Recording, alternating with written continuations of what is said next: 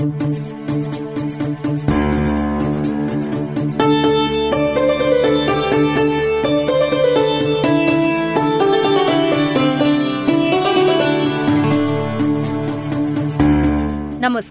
Radio कार्यक्रम साझा पहलमा तपाईँलाई हार्दिक स्वागत छ। म सुशीला श्रेष्ठ। अनि म अविनाश आचार्य। कार्यक्रम साझा पहल महिला लैङ्गिक अल्पसंख्यक अपाङ्गता भएका व्यक्ति र सीमान्तकृत समुदायमा सूचनाको पहुँच पुर्याउने उद्देश्यले तयार पारिएको कार्यक्रम हो। अहिले कोभिड उन्नाइस नियन्त्रणमा आएको जस्तो देखिएको छ तर यसले महिला तथा सीमान्तकृत वर्गमा आर्थिक सामाजिक तथा मानसिक रूपमा गहिरो प्रभाव छोडेर गएको छ। कार्यक्रममा हामी लैङ्गिक समानता र सामाजिक समावेशीकरण जेस्सीको दृष्टिबाट अब आउने कोभिड जस्ता महाव्याधि र विपदसँग सम्बन्धित प्रभावकारी तयारी प्रतिक्रिया र पुनः प्राप्तिको बारेमा छलफल गर्नेछौं। लैङ्गिक समानता र सामाजिक समावेशीकरण दृष्टिकोण भन्नाले हामी यस कार्यक्रममा महिला सीमान्तकृत वर्ग बालबालिका ज्येष्ठ नागरिक अपाङ्गता भएका व्यक्ति एकल महिला लैङ्गिक अल्पसंख्यक विभिन्न प्रकारका हिंसाबाट प्रभावित भएका महिला तथा किशोरी दीर्घरोगी गर्भवती तथा सुत्केरीका सवालहरूलाई प्राथमिकता दिनेछौँ। सँगै लैङ्गिक हिंसा तथा जातीय विभेद मानव बेचबिखनबाट प्रभावित भएका व्यक्तिहरू सामाजिक आर्थिक तथा नागरिक अधिकारबाट वञ्चित भएका व्यक्तिहरूको भोगाई उनीहरूका अपेक्षा पुनरुत्थानका लागि सरकारवालाले के गर्न सक्छन्? विज्ञ संघको परामर्श साथै सरकारका योजना लक्षित वर्गको पहुँच र कार्यान्वयनको अवस्थाबारे खोजी गर्नेछौ। साथै कोभिडबारे फैलिएका अफवाहहरू भ्रम र गलत जानकारीलाई सम्बोधन गर्दै विज्ञ संघको सवाल जवाफ पनि प्रस्तुत गर्नेछौ र सबैको पहुँचमा आवश्यक सूचना पुर्याउने प्रयत्न गर्नेछौँ। युएन ओमनको सहयोगमा ल्याक नेपाल र अकोराबको साझेदारीमा उत्पादन गरिएको कार्यक्रम साझा पहल सिआइएन मार्फत सामुदायिक रेडियोबाट देशैभरि सिआइएन खबर डट कम र मोबाइल एप सिआइएनमा पनि चाहेको बेला तपाईँ विश्वभरि नै सुन्न सक्नुहुन्छ। साथै सिआइएनको फेसबुक पेजमा गएर साङ्केतिक भाषामा हेर्न पनि सक्नुहुनेछ। कार्यक्रम साझा पहलमा आज हामी स्थानीय निकायले गरेका विपद सम्बन्धी सूचना प्रवाहीकरणमा महिला र सीमान्तकृत वर्गहरूको पहुँच सूचनाको हक र विपद सञ्चारलाई प्रभावकारी बनाउन स्थानीय सरकारले के के प्रयास गरिरहेका छन् भन्ने विषयमा छलफल गर्नेछौ। साथै यही अन्तर्गत आर्थिक रूपमा पुनः प्राप्तिका लागि आवश्यक सिप स्रोत साधन र आर्थिक समावेशीकरण सम्बन्धी सवाललाई पनि समेट्नेछौँ। कार्यक्रम साझा पहलको पैँतिसौँ भागमा आज हामी स्थानीय निकायले गरेका विपद सम्बन्धी सूचना प्रवाहीकरण र सूचनाको हकको कार्यान्वयनको अवस्था कस्तो छ? विपद सञ्चारलाई प्रभावकारी बनाउन स्थानीय सरकारले के के प्रयास गरिरहेका छन्? महिला यौनिक तथा लैङ्गिक अल्पसंख्यक समुदाय अपाङ्गता भएका व्यक्ति लगायत सीमान्तकृत वर्गमा सूचनाको पहुँच वृद्धि गर्न के गर्न सकिन्छ? विज्ञको भनाई। साथै कोरोना महामारीका बारेमा फैलिएका अफवाहमा विज्ञको जवाफ सहितको विशेष श्रृङ्खला प्रस्तुत गर्नेछौँ। आफ्नो सरकारको वा सार्वजनिक सरोकारका कुनै पनि विषयका सूचना सहज सरल र निशुल्क तथा मागेकै स्वरूपमा र चाहेकै समयमा पाउने हकलाई नेपालको संविधानले समेत आत्मसात गरेको छ। विपद सम्बन्धी जानकारीहरू समयमै पाउनु पनि नागरिकको सूचनाको हकभित्रै पर्छ। यसका लागि नागरिकको घर नजिकैको सरकार सचेत रहनु पर्दछ। विपद जोखिम न्यूनीकरण तथा व्यवस्थापन ऐन दुई हजार चौरात्तरको दफा दसले राष्ट्रिय विपद जोखिम न्यूनीकरण तथा व्यवस्थापन प्राधिकरणको व्यवस्था अनुसार विपदसँगै अन्य समयमा सबैजसो निकायले सूचना प्रवाह व्यवस्थापन पहलको कार्य गर्ने गरेका छन् तर त्यसको प्रभावकारी कार्यान्वयनको पाटो निकै कमजोर रहेको छ। कैलालीका केही स्थानीय सरकारले भने कसरी विपद सञ्चारको काम गरिरहेका छन्? साथी दिलबहादुर चौधरीको रिपोर्ट।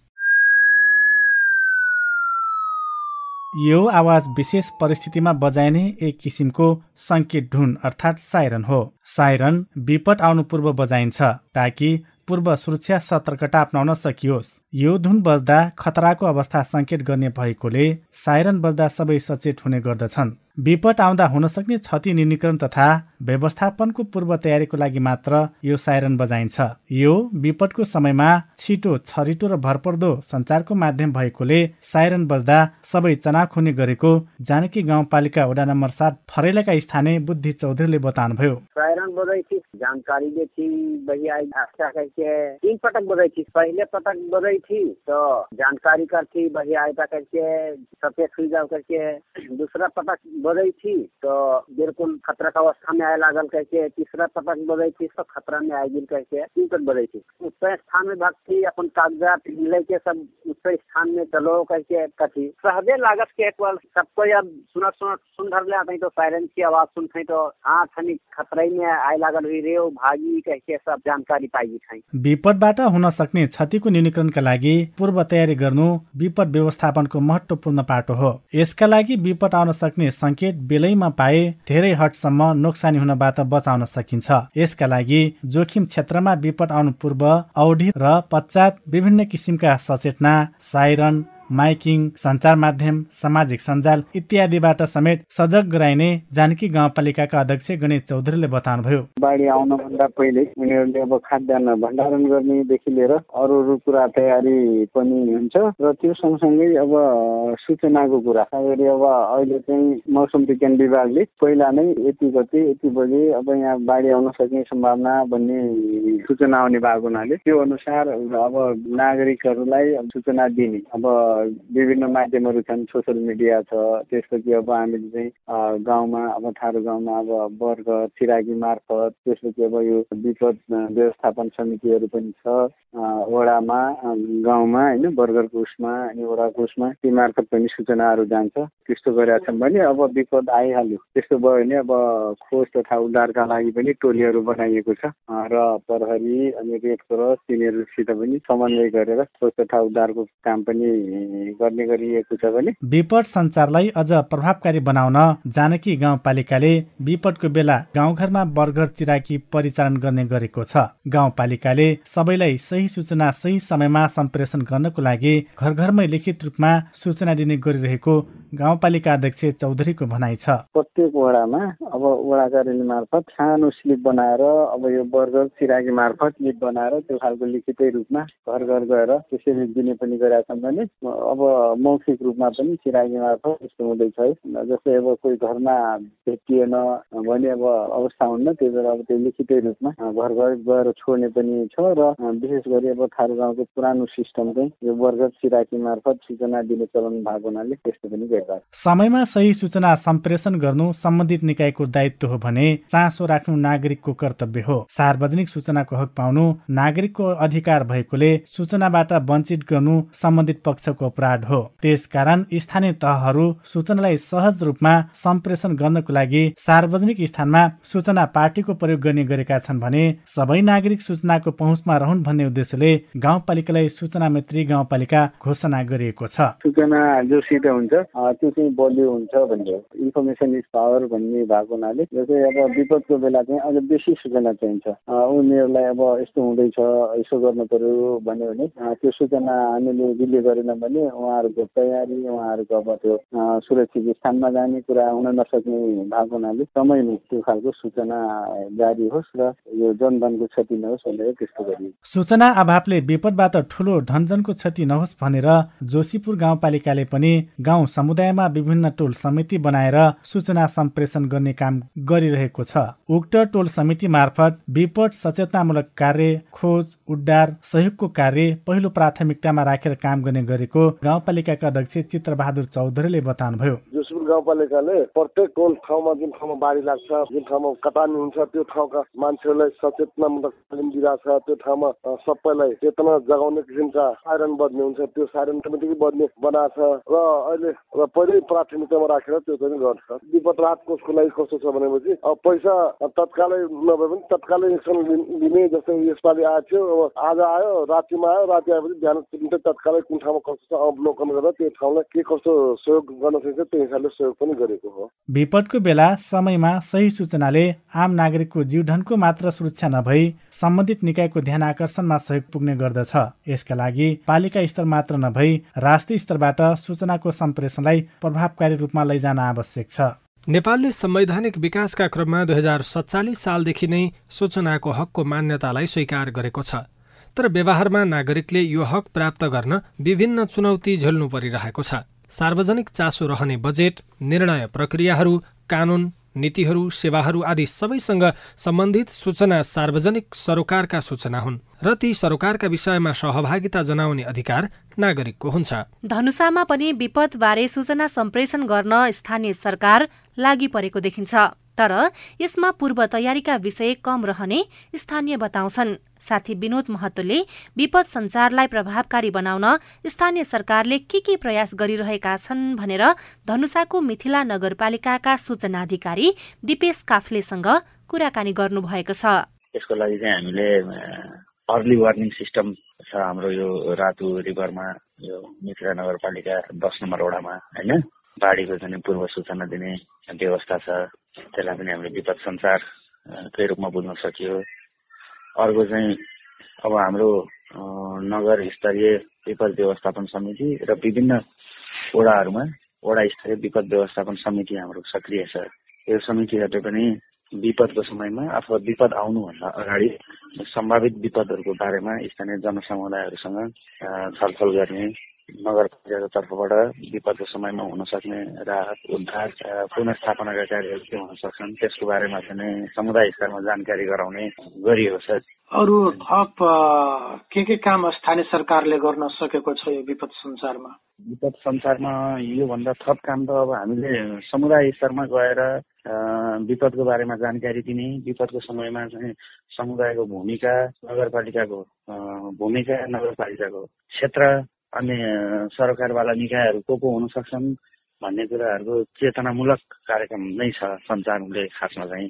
अनि अरू ठ्याक्कै कार्यक्रमकै रूपमा हेर्दाखेरि चाहिँ हाम्रो अहिलेसम्म अहिले लागू भइरहेको कार्यक्रम चाहिँ त्यो अर्ली वार्निङ सिस्टमलाई भन्न सकियो जुन चाहिँ नदीमा राखिएको छ। नगरपालिकाले गर्न सक्ने क्षेत्र त धेरै छन्।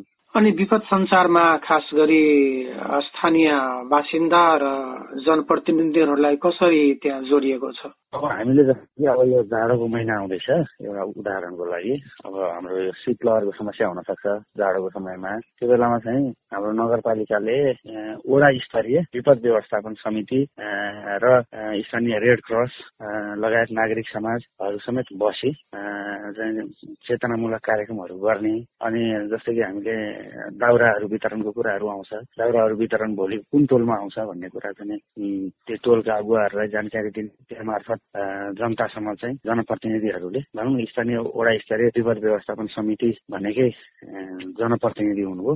उहाँहरूकै सक्रियतामा चाहिँ जनता समक्ष त्यो सूचना पुर्याउने कार्यक्रम हुन्छ। जाडोबाट बच्ने विभिन्न उपायहरू के के हुन सक्छन् भन्ने कुराको चेतनामूलक कार्यक्रम पनि सञ्चालन हुन्छ। विपद सञ्चारमा खास गरी स्थानीय बासिन्दाहरूलाई सम्पर्कका लागि नगरपालिकाले कुनै आपतकालीन नम्बरहरूको व्यवस्था गरेको छ कि छैन? विपद सञ्चारकै लागि भनेर त्यस्तो आपतकालीन नम्बरको ठ्याक्कै हाम्रो व्यवस्थापन छैन होइन?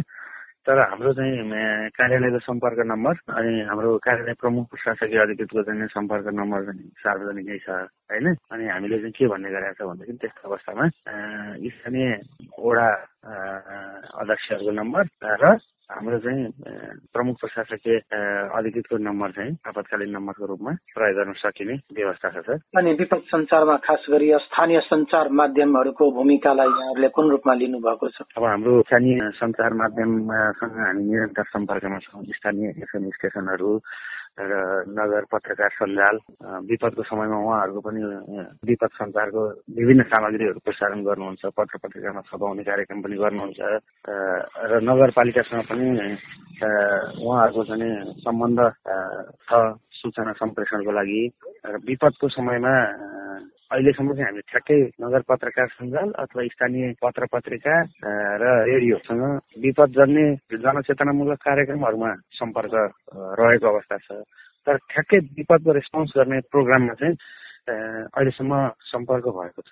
तपाईँ यति बेला रेडियो कार्यक्रम साझा पहल सामुदायिक सूचना नेटवर्क सिआइएन मार्फत देशभरका विभिन्न सामुदायिक रेडियो र मोबाइल एप सिआइएन सँगै सिआइएन खबर डट कम मार्फत पनि सुन्दै हुनुहुन्छ।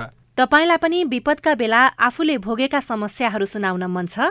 या सरकारसँग आफ्नो अपेक्षा प्रश्न गुनासो वा जिज्ञासाहरू छन् छन् भने हाम्रो फोन नम्बर शून्य एक बाहन्न साठी छ चार छमा फोन गरेर आफ्ना कुरा राख्न सक्नुहुनेछ। स्थानीय सरकारले विपद प्रतिकारका लागि आपतकालीन नमुना अभ्यास गर्ने गराउने विपद प्रभावित क्षेत्रमा उद्धार तथा राहतको व्यवस्था गर्ने स्थानीय तहमा विपद व्यवस्थापन सूचना प्रणाली तथा पूर्व सचेतना प्रणालीको विकास र सञ्चालन गर्ने गराउने लगायतका क्रियाकलाप गर्न सक्छन्। ती क्रियाकलापमा लक्षित वर्गको अर्थपूर्ण सहभागिताले विपदबारे जानकारी लिन र सचेत रहन मद्दत पुग्दछ। रूपन्देहीमा भइरहेको अभ्यास के छ त? साथी अस्मिना पाण्डेले बुटवल उपमहानगरपालिका वडा नम्बर चारका वडा अध्यक्ष नरेश्वर पौडेलसँग कुरा गर्नुभएको छ। मेरो नाम नरेश्वर पौडेल। म बुटोल उपमहानगरपालिका वार्ड नम्बर चारको वडा अध्यक्ष। विपदको बेलामा चाहिँ सञ्चार संस्थाहरूसँग यहाँले कस्तो खालको कोर्डिनेसन गरिरहनु भएको छ? कस्तो खालको समन्वय गरिरहनु भएको छ? वास्तवमा हजुरले भने जस्तै यो वार्ड नम्बर चारमा वार्ड नम्बर चार र वार्ड नम्बर तिनमा हाम्रो यो गत गत वर्ष ठुलो पहिरो आयो। र यहाँका नागरिकहरूलाई सुरक्षित ठाउँमा लाने र उहाँहरूको सुरक्षा दिने काम स्थानीय सरकारको हो। र त्यसमा हामी निकै रात दिन हामी खट्यौँ। र हामी डोजर मान्छेहरू तयारी अवस्थामा राख्यौँ र सुरक्षा निकायहरूका प्रहरी सशस्त्र प्रहरीहरूलाई तयारी अवस्थामा राख्यौँ र नगरपालिकाका हाम्रा जुन सुरक्षाकर्मी हुनुहुन्छ नगर प्रहरी उहाँहरूलाई पनि तयारी अवस्थामा राख्यौँ र यहाँका एफएमहरू त्यसपछि सञ्चार माध्यमहरूलाई हामीले समन्वय गऱ्यौँ र हामी रात दिन यो जुन विपद यो पहिरो थियो लक्ष्मीनगरको पहिरो ज्योतिनगरको पहिरो र यसलाई नियन्त्रण गर्न र यो नागरिकहरूलाई आम नागरिकहरूलाई कसरी जोगाउन सकिन्छ कसरी बचाउन सकिन्छ राति विपद हुनसक्छ भनेर हामी तयारी अवस्थामा बस्यौँ र यहाँ लाइटहरूको व्यवस्था गऱ्यौँ र हरेक गमबुटहरू लगायत विभिन्न साधनहरूको हामीले जोगाड गऱ्यौँ र नगरपालिकाबाट बुटोल उपमहानगरपालिकाबाट डोजरहरूको तयारी अवस्थामा राख्यौँ र हामीले जुन बाढीहरू माथिबाट आइरहेको थियो त्यसलाई पन्छाउने कामहरू गऱ्यौँ र त्यो घरहरूमा केही घरहरूमा पस्न गयो र हामी सञ्चार माध्यमहरूलाई एलाउट गरिरहेका थियौँ र सुरक्षा निकायहरूलाई पनि तयारी अवस्थामा राख्यौँ र हामी त्यो कारणले गर्दाखेरि त्यहाँका नागरिकहरूलाई सुरक्षित राख्न सक्यौँ। सञ्चार माध्यमले जताततै यो सञ्चार फैलाउन सक्ने हुनाले उहाँहरूको अति आवश्यकता थियो र त्यो महसुस गरेर यो देशको चौथो अङ्गको रूपमा रहेको मिडियालाई हामीले साथमा लिएर हामी अगाडि बढ्यौँ र योभन्दा पहिला यो महामारी यो विश्वमा चलिरहेको महामारी कोरोना को अवस्था चलिरहेको थियो र त्यस्ता यी आर्थिक विपन्न भएका यी नागरिकहरूलाई खाद्यान्नहरूको कसरी व्यवस्थापन गर्ने र यो जुन कोभिडको बिरामीहरूलाई कसरी व्यवस्थापन गर्ने उहाँहरूलाई कसरी अक्सिजनहरूको उपलब्ध गराउने र स्वास्थ्य स्वास्थ्यको उहाँहरूलाई कसरी शिक्षा दिने उहाँहरूलाई कसरी परिचालन नागरिकहरूलाई कसरी परिचालन गर्ने र यो कोभिडको महामारीबाट पनि यो टाढा रहनको लागि नागरिकहरूलाई कसरी सु सुसूचित गर्ने यी कामहरूमा हामी निकै खट्यौँ र सञ्चार यहाँका सञ्चार मिडिया हाउसहरूले हामीलाई ठुलो सहयोग गर्नुभयो र उहाँहरूको माध्यमबाट हामीले जनचेतना फैलाउने काम गरेर हामी अगाडि बढिरहेका छौँ। यो विपदको बेलामा चाहिँ खास गरी विपन्न समुदायहरू होइन जुन सीमान्तकृत समुदायका नागरिकहरू हुनुहुन्छ उहाँहरूको लागि भनेर छुट्टै खालको त्यस्तो प्याकेज जसको चाहिँ बिहानदेखि साँझसम्म हातमुख जोड्ने बाटो छैन होइन उहाँहरूको लागि भनेर चाहिँ कस्ता कस्ता उहाँहरूलाई चाहिँ राहतका कार्यक्रमहरू ल्याउनु भयो? म निर्वाचित भएर आएको आज पाँच महिना भयो। त्यसभन्दा पहिला हाम्रा आदरणीय वडा वडा अध्यक्षज्यू र यहाँको स्थानीय सरकार उपमहानगरपालिकासित हामीले समन्वय गऱ्यौँ। र त्यस्ता विपन्न व्यक्तिहरूलाई हामीले यो उद्योगी व्यवसायीहरूबाट हामीले कोही नगद कोही जिन्सी खाद्यान्नहरू हामीले सङ्कलन गऱ्यौँ। र उहाँहरूको नामाङ्कन नाम लिस्ट तयार गरेर स्थानीय सरकारसित समन्वय गऱ्यौँ र म स्वयं बुटोल उद्यमी सङ्घको वाणिज्य उपाध्यक्ष पनि थिएँ र हरेक सङ्घ संस्थाबाट समन्वय गऱ्यौँ र यहाँका बुद्धिजीवी व्यवसायीहरू लाई समाजसेवीहरूलाई हामीले हाते हातेमालो गऱ्यौँ। उहाँहरूको समन्वयमा उहाँहरूको सहयोगमा हामीले त्यस्ता नागरिकहरूको एउटा लिस्ट सङ्कलन गऱ्यौँ र मिडियाको माध्यमहरूबाट त्यस्ता नागरिक विपन्न अल्पसङ्ख्यकहरू गरिब त्यस्ता व्यक्तिहरूलाई हामीले त्यो खाद्यान्नको एउटा लिस्ट तयार गरेर उहाँहरूलाई हामीले समान रूपले सबै नागरिक आम नागरिकहरूलाई हामीले खाद्यान्नहरूको व्यवस्था गऱ्यौँ र यो स्वास्थ्य सामग्रीहरू पनि हामीले सङ्कलन गरेर उहाँहरूलाई स्वास्थ्यबाट यो कसरी जोगाउन सकिन्छ यो कोभिडबाट महामारी रोगबाट भनेर उहाँहरूलाई ती आवश्यकताका ती वस्तुहरू स्वास्थ्य सामग्रीहरू पनि सङ्कलन गरेर उहाँहरूलाई हामीले त्यस्तो परिवारहरू त्यस्तो विपन्न आर्थिक अवस्था कमजोर भएको त्यस्तो आमा बुवा दाजुभाइ दिदीबहिनीहरूलाई हामीले त्यो सहज रूपमा त्यो वितरण गर्ने व्यवस्था मिलायौँ हामीले। बुटुल उपमहानगरपालिकामा एउटा नगर स्तरीय विपद व्यवस्थापन समिति छ। अब ओडामा चाहिँ यहाँको ओडा अध्यक्षको संयोजकत्वमा विपद व्यवस्थापन समिति गठन गर्ने प्रावधान छ। ओडा नम्बर चारमा विपद व्यवस्थापन समिति गठन भएको अवस्था छ कि छैन? यदि गठन गर्नु भएको छ भने कतिवटा बैठकहरू यहाँहरू बस्नु भएको छ। त्यो समितिमा कस्ता कस्ता व्यक्तिहरूलाई चाहिँ समेट्नु भएको छ? त्यो हामी सबै क्षेत्र राजनीतिक सबै क्षेत्रलाई मिलाएर हामीले सुरक्षा निकाय राजनीतिक क्षेत्र यहाँका समाजसेवी लगायत सम्पूर्ण क्षेत्रलाई हामीले समेटेर सबै क्षेत्रलाई छुने तरिकाले हामीले विपद व्यवस्थापन समिति गठन गरेका छौँ। त्यसपछि हामीले यहाँ बैठकहरू हाम सात सदस्य बैठक बसेको थियो र त्यसले जहाँ जहाँ आवश्यकता पर्छ कहाँ बाढी प्रवेश गर्छ बाढी पर्छ र कहाँ खोलाले बगाउँछ त्यस्ता ठाउँहरू हामीले तत्कालै उद्धार गर्नको लागि हामी तयारी अवस्थामा बस्यौँ।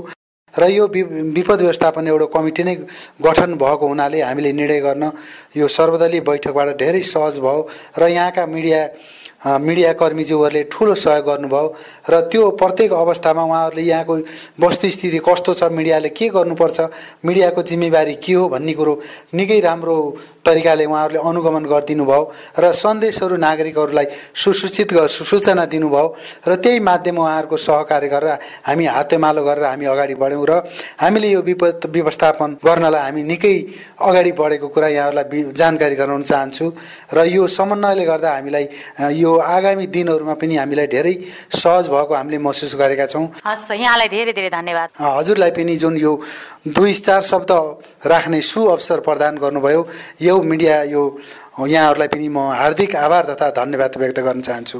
हस्त नमस्कार। विपद जोखिम न्यूनीकरण सम्बन्धी स्थानीय स्तरका नीति कानुन मापदण्ड योजनाको निर्माण कार्यान्वयन अनुगमन र नियमन तथा विपद पश्चात स्थानीय स्तरको उद्धार राहत पुनस्थापना र पुनर्निर्माण गर्ने कार्यमा समेत सञ्चारको महत्त्वपूर्ण भूमिका रहेको छ र ती सबै सञ्चार प्रक्रियामा महिला तथा सीमान्तकृत समुदाय वा लक्षित वर्गको पहुँच हुनु अपरिहार्य छ। विपद सञ्चारलाई प्रभावकारी बनाउन स्थानीय सरकारले के के प्रयास गरिरहेका छन् र विपद सञ्चारलाई प्रभावकारी बनाउन सञ्चार गर्ने संयन्त्र कस्तो हुनुपर्दछ भनेर साथी जनार्जन खत्रीले लालबन्दी नगरपालिकाका विपद व्यवस्थापन तथा वातावरण शाखा प्रमुख कृष्ण कार्कीसँग कुराकानी गर्नुभएको छ। स्थानीय निकायको निर्वाचन दुई हजार चौहत्तर पछाडि पनि यो चाहिँ विपद व्यवस्थापन तथा वातावरण एउटा चाहिँ शाखा थियो। त्यो शाखाले खासै काम गर्न नसके पछाडि त्यो शाखा खासै सक्रिय हुन सकेन। नभइसके पछाडि अहिलेको यो निर्वाचनबाट चाहिँ एउटा विपद व्यवस्थापन तथा वातावरण शाखा गठन भएको छ। त्यो शाखाको संयोजक म हुँ। हामीले चाहिँ अहिले जुन सम्भावित जुन विपदका घटनाहरू हुनसक्ने खालको घटनाहरू अहिले हामीले थाहा पाउने भनेको चाहिँ हामीले सामाजिक सञ्जाल होइन अनि त्यहाँनिर जुन हाम्रो चाहिँ के भन्छ त्यो सञ्चार माध्यमहरूबाट नै हो।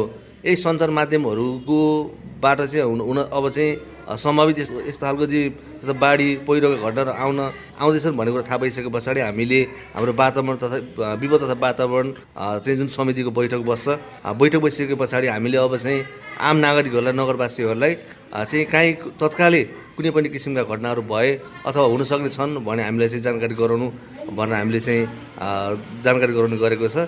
र हामीले अहिले यो शाखा गठन भइसके पछाडि हामीले गरेको भनेको चाहिँ हाम्रो यो जुन फोहोर मैला व्यवस्थापनको कुरा छ हामीले हाम्रो चाहिँ एउटा चाहिँ हेरवटासँग हामीले एउटा चाहिँ फोहोर मैलाको सम्झौता गरेको थियौँ। त्यसको समयावधि सकियो। सकिसके पछाडि हाम्रो समितिको माध्यमबाट हामीले चाहिँ त्यसैलाई चाहिँ हामीले एक वर्षको चाहिँ म्याथ थप्ने भनेर हाम्रो समितिले निर्णय गरेको छ। अब यो जस्तै विपद चाहिँ लालबन्दी नगरपालिका पनि चुरेसँग पनि जोडिएको खोला नाला भएको नगरपालिका पर्छ। यहाँ चाहिँ कस्ता कस्ता किसिमको विपद यहाँहरू वैशाखमा निर्वाचित भएर आइसकेपछि एउटा बर्खा पनि काटिसक्नु भएको छ? कस्तो कस्तो किसिमको विपद यहाँले देख्नुभयो? र त्यो विपदबारे नागरिकले कसरी जानकारी पाइरहेका छन्? यहाँहरूले तयारी के गर्नुभयो? के छ? तयारी भनेको चाहिँ अब विपद भन्ने बित्तिकै जुनसुकै बेलामा पनि हुनसक्ने एउटा घटना भयो। थाहै नपाइकन विपदले कसैलाई पनि थाहा दिएर आउँदैन। यो जुनसुकै बेला पनि घट्न सक्छ। जस्तो हाम्रो सम्भावित भनेको चाहिँ हाम्रो जुन चौध नम्बर को जुन हाम्रो नारायण खोला छ त्यो खोलाबाट चाहिँ खोलाबाट चाहिँ सबभन्दा बढी चाहिँ हाम्रो चाहिँ विपद हुने भनेको त्यहीँनिर हो त्यो घटना भइसके पछाडि कति कुराहरू घटना भइसके पछाडि हामीलाई थाहा हुन्छ। र चाहिँ कुनै घटनाहरू चाहिँ अब यस्तो हुँदैछ भन्ने कुरा हामीले सञ्चार माध्यमबाट अरूबाट चाहिँ थाहा जानकारी भइसके पछाडि हामीले पूर्व तयारीहरू गर्ने गरेका छौँ। र त्यस्तो घटनाहरू काहीँ भइहाल्यो भने हाम्रो चाहिँ यो विपद व्यवस्थापन शाखामा उहाँले सम्पर्क गर्नुहुन्छ। र हामीले चाहिँ सकेको केही राहतहरू हामीले तत्कालै पुर्याउन सक्ने तत्कालै चाहिने जुन जस्तो छानाहरूको कुराहरू हुन्छ होइन तत्काल राहतको चाहिँ कुराहरू हुन्छ त्यस्तो कुराहरू चाहिँ हामी तत्काल जाने गरेको छ। हजुर अब गएको बर्खायाममा त्यस्ता नगरभित्र कस्ता किसिमका विपद देखिए त्यसको समाधान कसरी भयो के छ?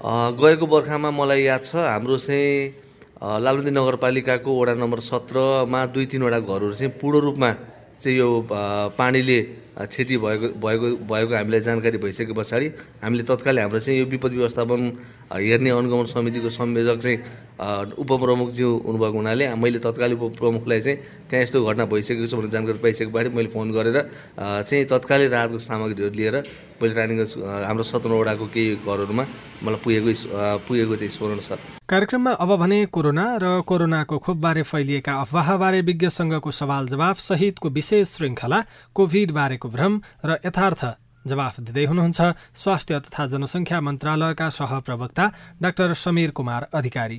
नमस्कार म रबिन महोत्तरी जिल्लाबाट कोरोना खोप लगाएका सय मध्ये नब्बेजनालाई काम गर्छ दसजनालाई गर्दैन अरे भन्ने सुनेको छु। के यो साँचो हो र? संसारमा कुनै पनि उपचार अथवा कुनै पनि खोप प्रभावकारिताको कुराहरू त्यसलाई अध्ययन गरिएको हुन्छ।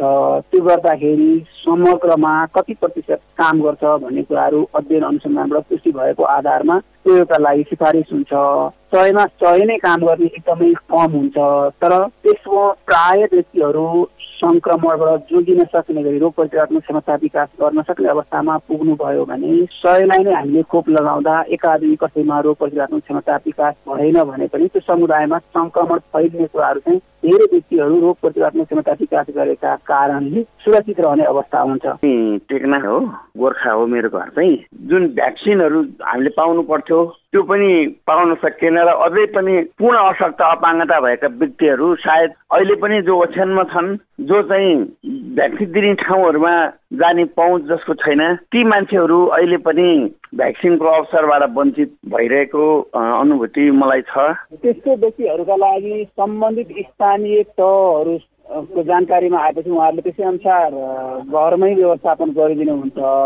धेरै जसोका लागि ठाउँ तोकेर त्यही केन्द्र तोकेर केन्द्र अनुसारको व्यवस्थापन भएको छ। तर जो त्यहाँ पुग्न नसक्ने अवस्था छ जसका लागि विशेष व्यवस्था गर्नुपर्छ उहाँहरूले आफ्नो स्थानीय ओडासँग सम्पर्क गर्नुभयो भने ओडाले खोप अभियान सञ्चालन हुने समयमा अथवा अरू समयमा त्यो व्यवस्थापन गर्ने गरी धेरै स्थानीय तहहरूमा त्यसरी व्यवस्थापन भएको हामीलाई जानकारी छ। घर चाहिँ जितपुर सिमरा वार्ड नम्बर चौध। दुईटा खोप त लगायो तेस्रो खोप त थाहै लागेन लगाउनु पर्यो कहिले हो थाहा छैन। त्यसका लागि आफ्नो नजिकमा रहेको वडा कार्यालयहरूमा जानकारी गराउनुभयो त्यो विवरणहरू टिपाउनुभयो भने त्यहाँ खोप अभियान सञ्चालन गर्दा अथवा सञ्चालन गर्नका लागि को को बाँकी हुनुहुन्छ भनेर उहाँहरूले सम्बन्धित जिल्ला स्वास्थ्य कार्यालयहरूसँग समन्वय गरेर खोप अभियान निरन्तर अगाडि बढाउनुहुन्छ। आफ्नो नजिकमा रहेको वडा कार्यालय अथवा नजिकमा रहेको सरकारी स्वास्थ्य संस्थासँग समन्वय गऱ्यौँ भने त्यो विवरणहरू रहने गरी कसैलाई भन्न लगायौँ कसैलाई त्यहाँनिर चाहिँ सम्पर्क गर्ने गरी कुरा गऱ्यौँ भने उहाँहरूले आवश्यक व्यवस्थापन खोप लगाउन बाँकी हुनुहुन्छ छुट्नु भएको छ भन्ने अनुसार व्यवस्थापन गर्नुहुन्छ। यो सँगै अब हामी कार्यक्रमको अन्त्यमा आइपुगेका छौं। आजको कार्यक्रम साझा पहलमा हामीले स्थानीय निकायले गरेका विपद सम्बन्धी सूचना प्रवाहीकरणमा महिला र सीमान्तकृत वर्गहरूको पहुँच सूचनाको हक र विपद संचारलाई प्रभावकारी बनाउन स्थानीय सरकारले के के प्रयास गरिरहेका छन् भन्ने विषयमा छलफल गर्यौं। विपदको जोखिम न्यूनीकरणका लागि विपद सञ्चारको अहम भूमिका रहेको छ। तर विपद सञ्चारको प्रवाहीकरणमा लक्षित वर्ग त्यसमा पनि महिला र सीमान्तकृत वर्गको पहुँच भने कम छ। विपद जोखिम न्यूनीकरणका लागि प्रभावकारी सञ्चारका लागि सम्भावित प्रभावितहरूको सहभागिताले मात्रै जोखिम न्यूनीकरण सम्भव छ। तपाईँलाई तपाईँको पालिका वा सरोकारवालासँग केही सोध्न भन्न जान्न बुझ्न अथवा समस्या सुनाउन मन छ भने हामीलाई सम्पर्क गर्न सक्नुहुनेछ। केही प्रश्न प्रतिक्रिया र टिप्पणी छन् भने हाम्रो टेलिफोन नम्बर शून्य एक बाहन्न साठी छ चार छमा फोन गरेर आफ्नो कुरा रेकर्ड गराउन सक्नुहुनेछ। आजका लागि प्राविधिक साथी सुभाष पन्तलाई धन्यवाद दिँदै कार्यक्रमलाई साङ्केतिक भाषामा अनुवाद गर्ने साथी उमा पौडेललाई पनि धन्यवाद भन्दै अहिलेको रेडियो कार्यक्रम साझा पहलबाट म अविनाश आचार्य। अनि म सुशीला श्रेष्ठ पनि विदा भयौँ। नमस्कार, नमस्कार।